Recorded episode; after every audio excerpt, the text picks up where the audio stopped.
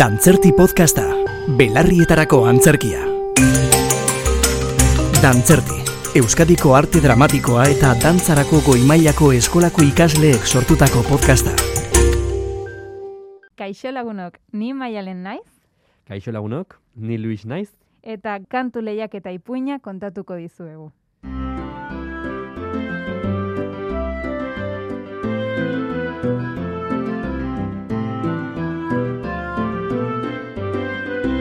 Kaixo mirentxu, etxean nago, zer moduz eguna? Aita! Ongi, gaur klaseko ordezkaria aukeratu dugu, eta ane izan da irabazlea. Irabazlea? Maitia, baina hori ez da lehiaketa bat. Ba, irakasleak esaten du, ane klaseko onena dela beti amarrak ateratzen dituelako. Eta orain ere irabazi egin du. Nik ere ordezkaria izan nahi nuen. Lasai, lastana, ziur nago zuk bera bezain beste merezi duzula. Baina batzuetan irabazi eta bestetan galdu egin behar da. Joe, aita, baina morroa ematen du. Eta ez duzu esan etzela lehiaketa bat. Ez da lehiaketa bat. Baina irabazi edo galdu egiten da lehiaketetan. Ai, mirentxu, azkarregia zara niretzako. bueno, berandu eginda miren, lotara joan behar dugu. Ipuinen bat kontatuko didazu eta? Mm, ez da banik, eh? Mese, Lagunduko didazu? noski? Bueno, orduan bai lastana. Ale, sartu goian. Hau irakurriko dizut gaur. Gaur ez dut nik ipuina aukeratuko. Hau irakurri nahi dut, bale? Ongi deritzozu? Mm, horixe ongi dago. Adi orduan. Bazen behin, oian bat, animaliaz beterik zegoena. Txoriak, sugeak, elefanteak, urtsintxak, basurdeak, denetarik zegoen. Ontza izan ezik. Oian hartako ontza aspaldietzen agertzen handik. Irira joana zen, pertsonen bizimoduan olakoa zen ikustera. Azkenean, oian ere itzuli zen hango animalia guztiei irian ikusitakoa azaltzera. Kaixo lagun maiteak, jada iritik bueltatu naiz eta gauza mordoak kontatu behar dizkizuek. Jendeak gauza izugarriak egiten ditu ongi pasatzeko. Dantzatu, antzezpen deitzen duten ikuskizunetara joan, jolastu, baita lehiaketak egin ere. Kantu lehiaketak adibidez. Uala! Aizue, guk ere horrelakoak egin genitzake. Bai, oso ideia ona da. Nik ere nahi dut. Bale, bale, bale, bale. Isildu mesedez, entzun guztiak. Hemen aurkituko gara bi ordu barru.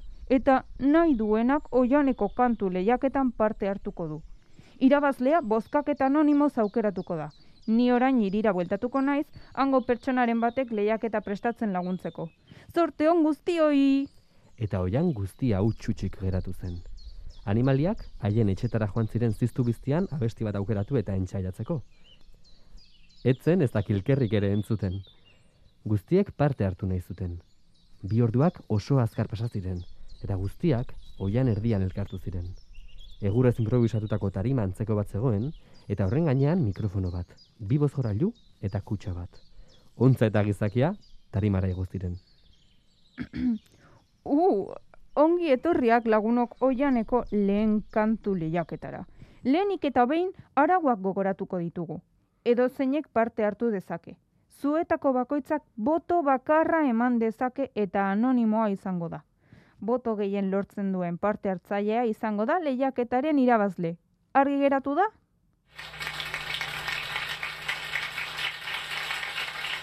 Ongi ba, hasta dila lehiaketa. Lehenengo parte hartzailea elefantea izan zen.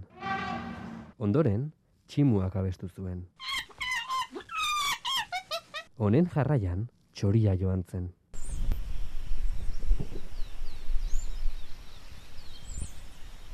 Oian osoak kantatu zuen. Baita ontzari lagundu zion pertsonak ere. Batzuk txalo gehiago eta beste batzuk gutxiago jaso zituzten. Baina bukatzerakoan, denek haien botoak idatzi eta ontzak zentzen zuen kutxan sartu zituzten. Hau, tarimara igo, eta kutxa irekiz zuen botoen zenbaketa burutzeko egun hartako hauteskunde gardenean eta izaera demokratiko dun bozkaketan. Berakirian politikariei entzun zien bezala. Buf, zenbat hitz raro aita. Zer da demokratiko hori? Igelek egiten duten soinu alda. ez lastana, demokrazia daitza, ez demokroazia. Eta ez dauka zer ikusirik igelekin. E- eta orduan, Bozkaketarekin erlazionatuta dago. denek bozkatu dezaketela esan nahi du? Bai, Noizean behin zuk egiten duzun bezala? horixe, horrela, politika norbaitek irabaztea nahi dugunean, ba, Gure auzokoek aukeratzen dute? ia, ia, hori ez da bakarrik gure auzoan egiten, estatu osoan baizik. Hola, benetan? Eta nor kontatzen ditu hainbeste boto?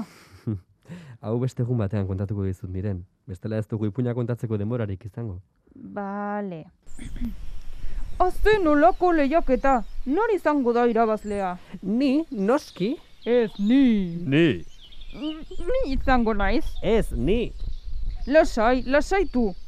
Zenbatu botoak. Banoa, lasai zaitezte. Ikus dezagun...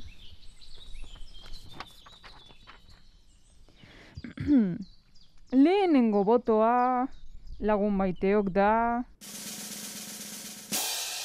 Astoarentzat! Bigarrena, astoarentzat! Hirugarrena, berriz ere astoarentzako!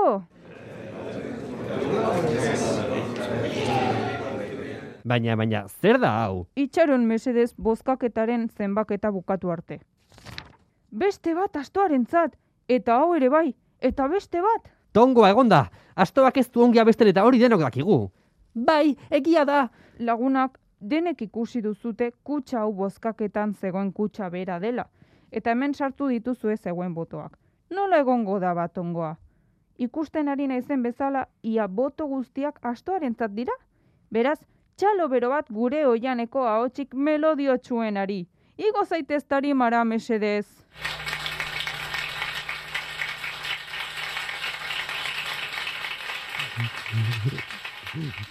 Eskerrik asko lagunok. Nik ere ez nuen espero lehiaketa hau irabaztea. Nik uste nuen nire kantua oso zaratatxua eta kontrola ezina dela. E- eta lehiaketa honetara apuntatu naiz zuekin egoteko eta ongi pasatzeko. Baina posten naiz zeuei nire kantuak gustatzea. Ez zenuen espero, eh? Eta nor bozkatu duzuzuk? Nire botoa txoriarentzat joan da. Kantu politena daukala uste dut. Boto guztiak zuretzat izan dira? Zurea izan ezik. Baina, aitatxo, ez zuten nahi astoak irabaztea. Ez, bihotza, Orduan zergatik bozkatu dute astoa?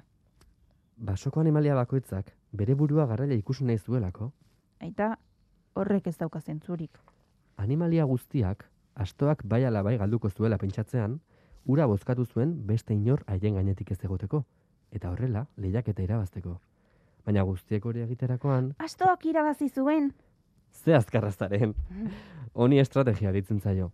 Baina ongi ikusi duzunez, batzuetan estrategiak gaizki ateratzen dira. Orduan, nik ez dut irabazi estrategiaren erruz. Ez dut uste horregatik izan denik. Aurrek inozentzia daukazue, ez estrategia. Ba, inozientziaren erruz izan da. Ta ze zientzia da hori? inozentzia, maitia, ez inozientzia. Aurrek mundua ikusteko daukazuen modua da. Eta ez dago beti errudunik miren. Ulertu behar duzuna da, ez duela beti oberenak irabazten. Eta ez dago dena gure esku. Bizitzak dakarrena onartu behar dugu. Ulertzen? Bai, hanek irabazi duela onartu behar dut. Baina horrek ez du esan nahi nik ongi egingo ez nukeenik. Hori da. Badakizu, nire begietan beti oberena izango zara. Mm, Ai, aita! Aizu, eta lehen esan didazun demo Kroazian horrelako zerbait gertatu aldaiteke. Hori handitan azalduko dizut, maitia. Hori handitan azalduko dizut, maitia. Baina esan dezakegu, gizakien artean, astoek ere irabazi aldutela. Baina hau ez esan ikastolan, eh? Gure sekretua da? Hori da. Ados. Orduan, zer gertatu zen astoarekin azkenean? Ba, nondik indoa zen? Bai, hemendik. Irabazlearena izan ezik, boto guztiak astoarentzat izan zirela jakiterakoan, oian guztia barez hasi zen.